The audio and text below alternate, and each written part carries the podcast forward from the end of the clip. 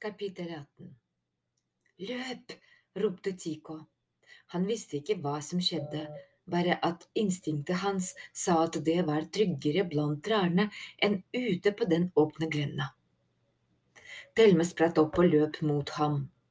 De gjemte seg bak hver sin trestamme. Dirringen i bakken ble sterkere, Tico og Thelma tittet forsiktig frem, så begynte bakken midt ute på lysningen å løfte på seg.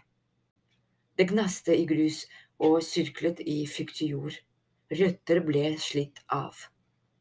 En tre meter bred stålsøyle malte kamuflasjefarger presset seg opp. De hørte den hvinende lyden av elektriske motorer. Da søylen var blitt ca. fem meter høy, stoppet den med en dyp klank. Så ble det helt stille. Toppen eller taket, var bredere enn selve søylen og fikk det til å se ut som en gigantisk sopp hadde vokst opp. Delmo og Tico så på hverandre. Var det meningen at de skulle gå bort til den? Metallsoppen så ikke akkurat så menneskevennlig ut. Tico bare ventet på at et kanonløp skulle sprette ut og sikte på dem. Men det skjedde ikke. Den var taus som om den ventet, ventet på dem. Thelma og Tico vekslet blikk igjen og nikket. Sakte gikk de frem til den. En jordklump falt ned fra kanten av taket og landet på skoen til Tico. Han skvatt, men klarte å la være å skrike. En meitemark hadde fulgt med og lå nå og sprellet på bakken. Du er ikke den eneste som er forvirret, tenkte Tico. Hører du? hvisket Delma. Tico lyttet. Han hørte det. Metallsoppen ga fra seg en svak summelyd, lyden av strøm. Forsiktig la Delma en hånd på den. Den var kaldt og hardt, akkurat som hun tenkte. Jeg tror det er en slags inngang, sa Tico. En hemmelig inngang til BIH. De gikk rundt søylen. Noe av kamuflasjemalingen flasset av her og der. Ellers var den helt glatt. Jeg ser ingen dør, gjør du? sa Thelma. Så hørtes et bip, og en liten luke åpnet seg i øyehøyde rett foran henne. En skjerm lyste opp og viste en animasjon av en pekefinger og et stort blått fingeravtrykk. Det skjedde noe her, sa Thelma. Tico kom bort til henne. Det er en fingerskanner, sa Tigo. Har de tatt fingeravtrykkene våre, sa Thelma. Overrasket det deg, sa Tigo. Jeg er ganske sikker på at det fins lover mot den slags, sa Thelma. Jeg tror ikke BIH er så nøye på sånt, sa Tigo. Vil du prøve først? Thelma presset høyre pekefinger mot skjermen. Det kom et lite pip, og fingeravtrykket på skjermen blinket grønt. Men ingenting skjedde. Kanskje vi må være to, sa Tico. Han gjorde som Thelma, presset sin høyre pekefinger mot glasset. Det kom et nytt pip etterfulgt av ingenting. Kanskje vi må skanne flere fingre, foreslo Tico. Men plutselig lukket dekselet over skanneren seg igjen. Så, etter noen sekunder, hørte de at det igjen vinte i elektriske motorer. En skyvedør åpnet seg foran dem. De kikket inn. Det var dunklet der inne, men de kunne se en sirkeltrapp. Som alt annet var den også av stål og malt mørkegrønn. Delmo og Tico så på hverandre. Er du sikker? sa Tico. Nei, er du? sa Delma. Ikke i det hele tatt, sa Tico. Så gikk han inn. Thelma fulgte etter. Trappene var smal, så de måtte gå etter hverandre. Selv om de gikk varsomt, laget hvert fortrinn ekko som gjeldet nedover trappa. Ser du noe? spurte Thelma. Nei, trappa bare fortsetter rundt og rundt, sa Tico. De fortsatte nedover. Selv om de befant seg under jorda, hadde Thelma en merkelig følelse av at de egentlig var inne i et tårn et tårn som boret seg nedover i bakken. Ikke opp mot himmelen, et nedovertårn. Og hvorfor ble det ikke mørkere? Det var ingen lamper noe sted. Lyset var svakt, men jevnt, som om lyset var en del av lufta.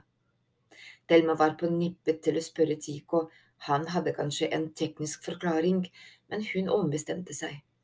Orket ikke noe teknobabbel akkurat nå. Da de hadde gått noen minutter, satte de seg ned for å ta en pause. Etter en stund sa Tiko, Vi får vel fortsette, eller hva tror du? Han håpet at Thelma skulle foreslå at de snudde og gikk opp igjen, men Thelma sa bare, Hva vil du, helt ærlig? Tiko sukket. Helt ærlig, jeg vil gå tilbake. Hvis BIH vil ha noe med oss å gjøre, så kan de ta kontakt på en annen måte. Det er sikkert en slags test, sa Thelma, for å se hvor mye vi tør. Chico ble sittende og tenke.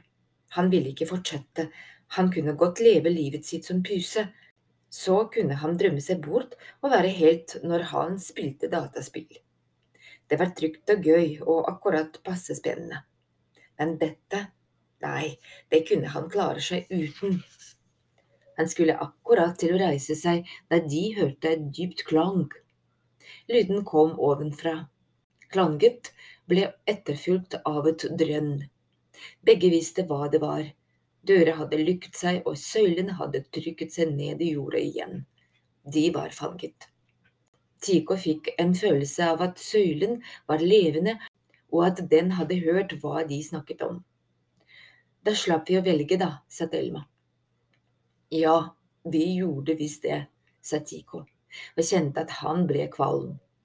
De hadde synket i jorda, bokstavelig talt. Han så for seg foreldrene sine som gråt, og politiet som lette etter dem med hunder. Til slutt ville de finne syklene deres og kanskje følge fotsporene innover i skogen, til glenna der alle spor stoppet. Ingen ville noensinne finne dem. Går det bra? spurte Thelma. Det går sånn passe, sa Tico. Og med deg? Sånn passe, sa Thelma. Sånn passe dårlig, for å være presis. Det har vi to, sa Tico. Heldigvis, sa Thelma. Tico skjønte ikke hvorfor han følte det sånn, men på en rar måte var det også en lettelse å ikke ha noe valg. De måtte fortsette. Det var bestemt. Det var skjebnen. De fortsatte nedover. Klang, klang, klang. De gikk i samme takt som to små soldater rundt og rundt, nedover og nedover. Det bare føltes ikke sånn, for det var ingen etasjer, ingen merker på veggene. Alt var likt. Det føltes som om de bare gikk rundt og rundt på samme sted. Skulle det aldri ta slutt? Hvorfor nådde de ikke bunnen? Var trappa en optisk illusjon? Og hvorfor hadde de vært så dumme at de ikke hadde tatt med seg noe å drikke? Klang, klang, klang. Rundt og rundt og rundt. Den ru malingen på rekkverket gjorde henne såre. Rundt og rundt. Og rundt. Da de endelig nådde bunnen av trappa, trengte de flere sekunder på å skjønne det. Kroppene og hjernene deres var innstilt på å gå videre. Svimle satte de seg ned på det kalde murgulvet. Rommet de befant seg i, var kaldt og fuktig, og det luktet som fjell. Det merkelige jevne lyset som hadde lyst opp trappa, fantes ikke her. Eller det var mye svakere. Thelma tok frem mobilen sin og skrudde på lommelukten. Hun lyste rundt seg i alle retninger, men mobilen klarte bare å lyse opp noen meter rundt dem.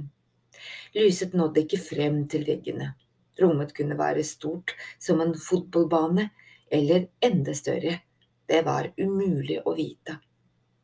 Å begi seg ut på en vandring i et mørkt evighetsrom var det absolutt siste de ville.